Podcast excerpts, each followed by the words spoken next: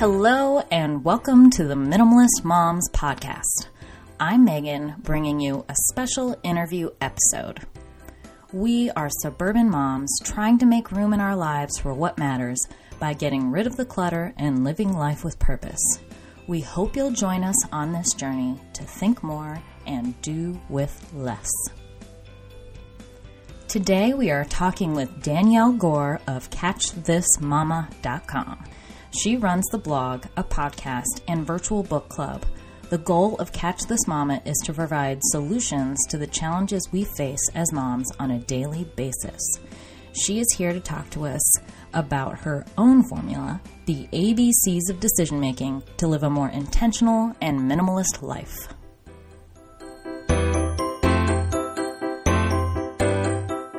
Hello, Danny. Thank you so much for joining us today. Yeah, thanks so much for having me on, Megan. Well, I am super excited to talk to another podcaster. That is always fun. Yes.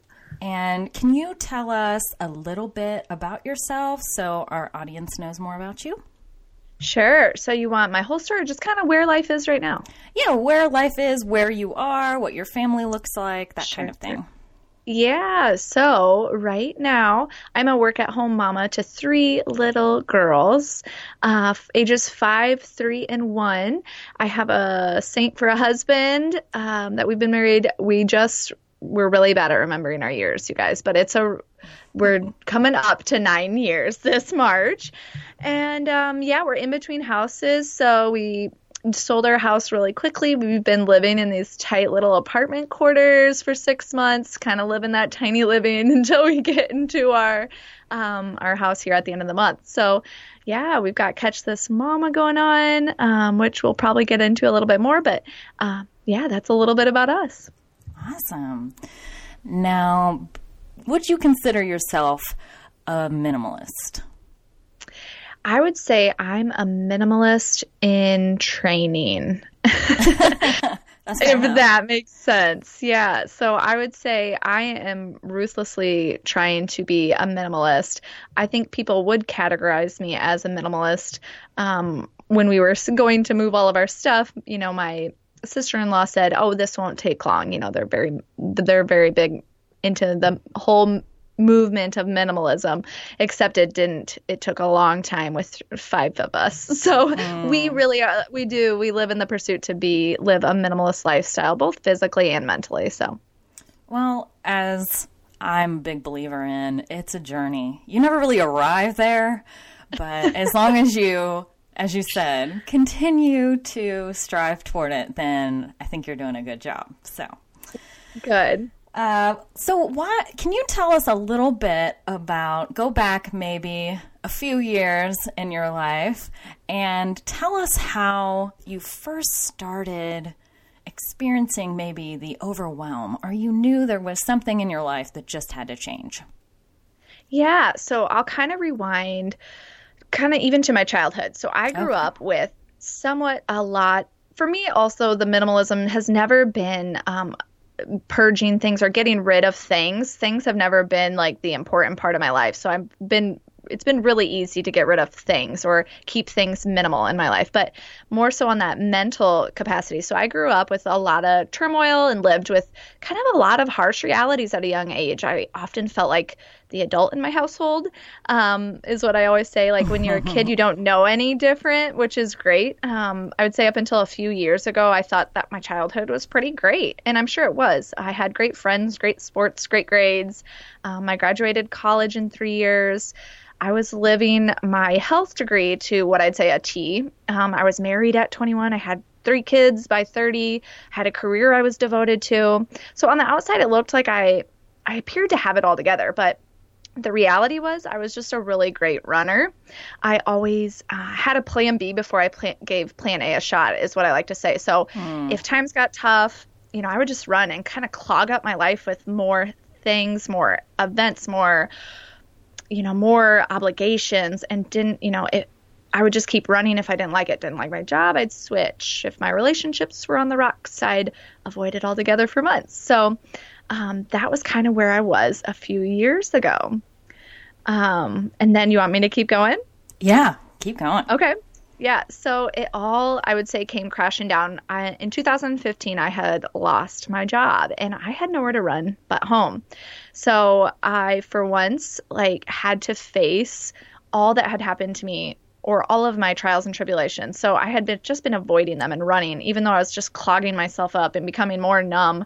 Um, and I was sitting on my basement couch a few weeks after um, losing my job, and my husband came down to me and he grabbed on tight and he said, "You know what? Danny, I am proud of you, no, regardless. And so it was at that point where I realized and saw that that support and that unconditional love that I was um, able to finally face. You know, like my parents were both addicts. Um, I had an eating disorder in college. You know, those all of these things that I had been running from for so long.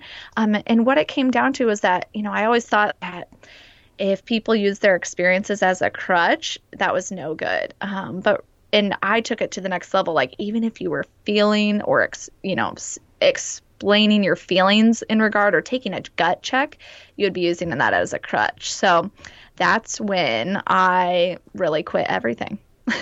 Wow. um, yeah. So in 2015, and kind of on that point, I just, especially in 2017, I would say I just quit everything. I quit my job. I, you know, kind of like that elimination diet where you quit everything mm. and then mm. slowly add things back in.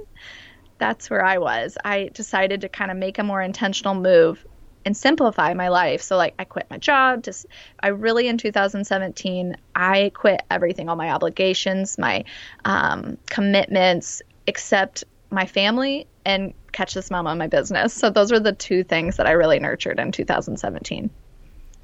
Wow, the year of quitting was yes you know most people like you know most people make goals new year's resolutions to add something in but for me i had added too much in so i my new year's resolution was to quit everything mm. and really figure out what matters in life so funny because i've talked about before that was my 2016 was my year of quitting.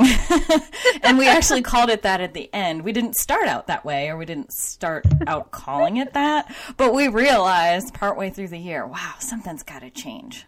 Something yeah. has has got to stop because we were spinning our wheels we were overcommitted and we were doing a lot of things but not doing any one of them well which then yeah. made us kind of miserable. So I can completely under understand or, or sympathize with that part of your story. Yes, absolutely. So, what um, did that look like for you? Uh, you listed a few things, but what did it feel like going through that quitting process? Because I know a lot of people have given me feedback in that I could just never do that because I would yeah. be afraid that I was letting all these people down. And so, what, how was your what was your experience like quitting those things? Yeah, yeah. You know, I think a lot of times to first go to the point of people afraid. People want change, but they don't want to change. You know, a lot of times mm. we want change in life, but we don't want to change. And so I didn't have a choice. And I really believe that sometimes when you're cornered, it can really be a beautiful place to be. You know, when you have no other choice. I lost my job, you know, so I had no other choice and and at that point to start thinking about, mm-hmm. you know, what could I be doing a little bit different in my life or, you know, I wasn't happy at that point before. It was almost like a so when I started to change or when I started to be more intentional and when I quit everything, it was scary. Going afraid and getting uncomfortable is scary. But the second I quit everything, I was the happiest I had ever been. Mm. so it was just getting past that point of doing it, um, of just going afraid. I, we didn't have all the answers. For the first time, I was staying home um, with my three children, and we didn't know. We had run our finances, but it's still scary, you know, to, to uh-huh. do that, mm-hmm. to go down to one income. And um, so uh, for me, it was just really um, a lot of weight lifted off my shoulders when I finally took the plunge to quit. Mm. Now, some people would say that that would be more stress, or they would think it would be more stress going down to one income and the things that you would have to give up to do that. If you're if you feel comfortable, can you give us a little more detail about that? Like, how did you yeah. look at your budget, and what changes did you make? Yeah. So you know, we often think of this quote, and I'm going to paraphrase here because I don't know it exactly, but we buy things to um, impress people with the money we don't have, to impress the people we don't even like, you know? So mm. for us, it was it was um, you know always feeling like you have to keep up with the joneses but once i stayed home and once um, we really looked at our finances, we realized we were spending so much money on things that didn't even matter. And my husband always says to me when I think like I need a new car, or I need a new purse, or I need um, to be committed to this obligation, you know, he always says, uh, "Danny, you're not that important," you know, because um, to him I am, but to the world they don't care if I have a new car, if I have um, a new shirt. So for us, it was let's really see, um, let's strip it down and see how we can make our fin- finances work. My husband does really well, so um, I mean, good. He does good, and so it wasn't hard. You know, you take out the daycare that alone where we are was um, would have been $650 a week uh, mm. for, for our kids to go and um, you take that out that's a huge portion of costs um, you take out the running you have to do um, to drive to and from work and the clothes you have to buy and the lunches you eat out and the dinners you um, didn't make at night, you know, because you were so tired and so worn out. And so just making those um, changes in, into our budget, it really wasn't that big of a sacrifice for us. That is great. Yes. So from there, you mentioned just a little bit, you gave up, you quit everything except for yeah. being a mama, doing yeah. that well, and your business. Can you tell us a little bit about? What you do on the side, your little side hustle? Oh, yeah, sure. So I have a podcast similar like you. So it's called Catch This Mama. And really, what it is, um, we want to help every mom on this planet recognize their worth. And what I thought of was I wanted to provide a platform of encouragement in a judge free, safe way. So, our mission is to empower you as a mama to understand that it's okay to mess up in life. We all do. But then you just have to get back up and want to do better. And the ultimate goal is to own your mom life. So, at Catch This Mama, like I said, we empower you to own your mom life for everything it is right now. And I firmly believe that it's only at that point where you, you know, face what's going on right now and take that gut check, um, where we embrace where we are right now, that we can then, you know, find peace in it. And at that point, overcome our challenges and and move to to be better each day. So. Hmm. That's wonderful. Yeah. So inspirational. Yeah, so we just yeah, so we have that podcast blog. Um, we get to do some fun news appearances around here and um, some coaching on the side. So it's really fun. Awesome. And as a gift to our listeners, Danny has brought a some words of wisdom with what she likes to call the ABCs of decision making. Is that right? Did I say that yeah. correctly? Okay. So sure, yeah. Why don't you dig in and tell us what that is? Yeah, so I thought, um, you know, what thought back to what I did to make a more intentional and minimalist life for me. And, um, you know, because it isn't always just as easy as quitting everything. You know, not everybody uh-huh. can just do that. And so, um, we thought I, I always think about these ABCs. So A is analyze. You know, ask yourself before you quit anything or before you know if you're sitting here and you're thinking I am so overwhelmed. Um, take a minute and do these ABCs, and then um, it should guide you to a little less overwhelm and a little more contentment with where you are. So A is analyze. You know, what do you envision your life to look like? Now in six months, a few years. And it sounds silly, but really write it down. A lot of times I think things are fluff until I actually write them down. And um, nine times out of ten when you write down what you envision your life to look like you're not going to dream or see a person who dreams of accumulating more stuff or desiring to have a more packed schedule um, or you know more items on their to-do list usually it includes the desire to feel less stressed um, have more freedom while still living an abundant life. And so, obviously, your what you envision your life to look like can change rapidly. It can change in six months, it can change in next year, whatever it is. But this exercise will help you establish and navigate through that decision making process. So, A is analyze. And one thing that I that we've done at our house is create um, a family mission statement. So we can get more into that a little bit later. But um, that is one thing you can do so that when you have big decisions to make, you can refer back to that mission statement and know right away, you know, is this going to be what's best for the family? So, and what so, we envision our life to look like. So you take that family mission statement and say, if what is this thing that we're trying to decide compare it to it and say is this fall yeah. in line with the values that are placed in our mission statement is that right Exactly. Okay. Yeah. So, um, for example, like we have one sitting on our fireplace mantle, and it's called the Gohr Credo. And credo is C R E D O. I just say that you might know what it means, but I didn't. My husband has a vocabulary a lot better than mine, bigger than mine. so um, most people say like our family stands for or our family mission. Anyways, ours says the Gohr Credo, and so ours are be loyal, love all, be still. And my daughter said make dinner. So um, we involved our kids in it, and we just talked about but that's what's important to her. So uh, that way, when things come up, you know, if we're asked to do something or join an event or kids want to get in an activity, then it comes down to, you know, what we value as a family. And so her making dinner and having dinner on the table is so important. So we would have to take a good hard look like, is it, you know, is that dance camp more important than having dinner with us each night? So, um, so A was analyze. B is what's the best thing that can come from your decision? Um, and so, you know, if you're wanting to move, if you're sitting here and you're like, oh my gosh, this is me, like I need a more intentional life, I'm so overwhelmed, um, then you ask yourself, what do you envision your life to look like? And what's the best thing that can come of it if I choose to do this or choose to quit this in my case? Um, so, whether that's decluttering your house or pruning relationships, um, I often get questions from moms. I don't know if you have any friends like this, but um, I often get questions that hey, you know, I have this friend who I don't have anything in common with anymore, but we still feel obligated to continue the relationship and schedule get togethers.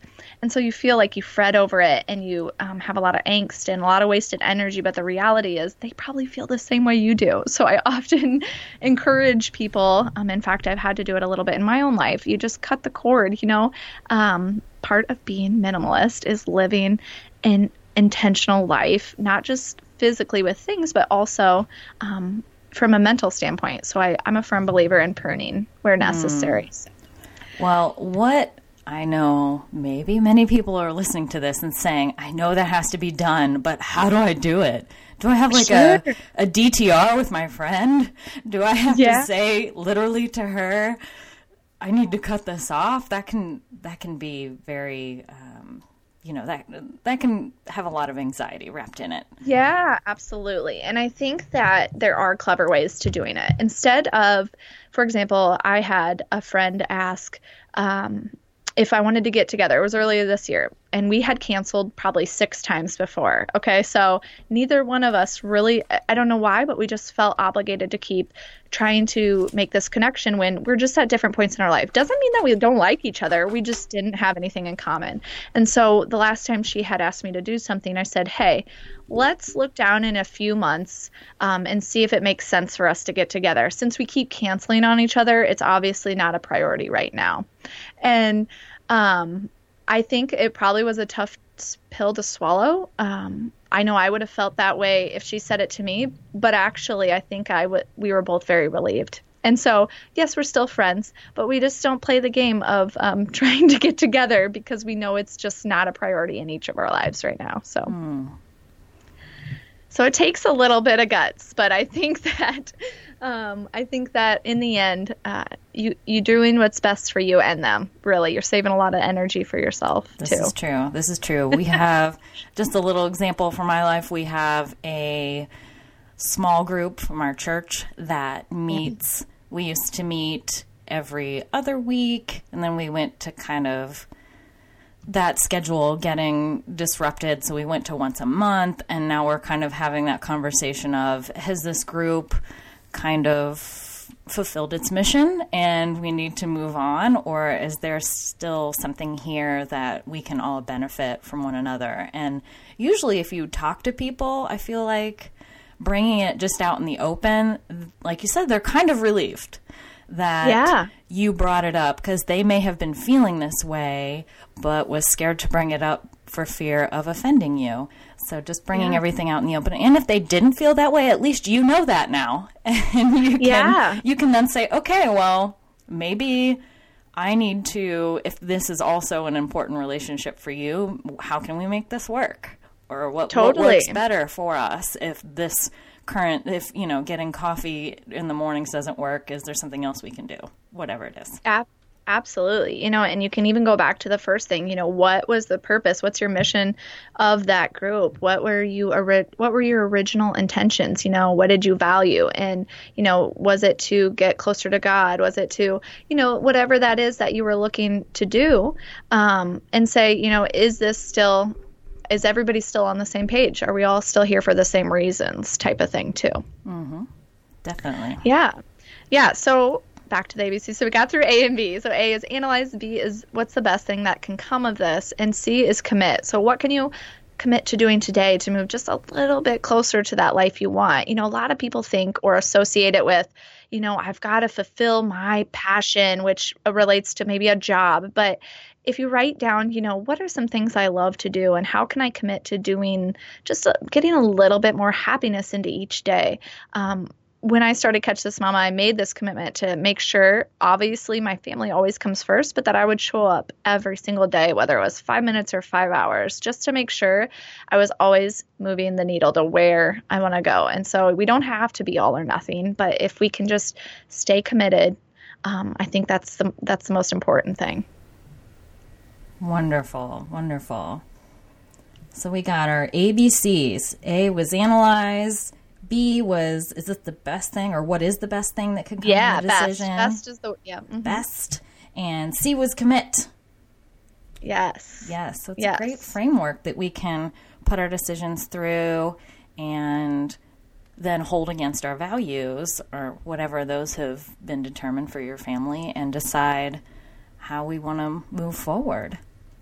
Yes. And, you know, I'm sure you have talked about this on many of your podcast episodes, but we just have to always remember that there the complexity of simplicity, right? Mm-hmm. Especially as it relates to the various seasons of motherhood. And so it's not always easy to keep a simple life, but if you have the foundation of what you really want your life to look like, decisions become just a little bit easier to make each time. And when making decisions become easier, then you will see yourself become more aligned with your purpose and what really matters in life. Mm-hmm. Well said. This has been so wonderful. Thank you so much for bringing your wisdom and sharing your story. I know it will encourage so many women and it'll give them an extra tool in their toolbox for deciding if they're going to move forward with whatever it is that they're making decisions on in 2018. Yes, absolutely. Thank you so much for having me on today. Mm-hmm. Thanks so much, Danny.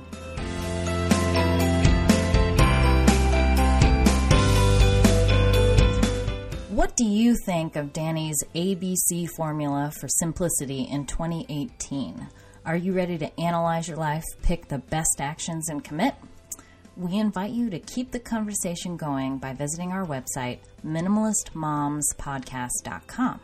You can also find us on Facebook and Instagram at Minimalist Moms Podcast.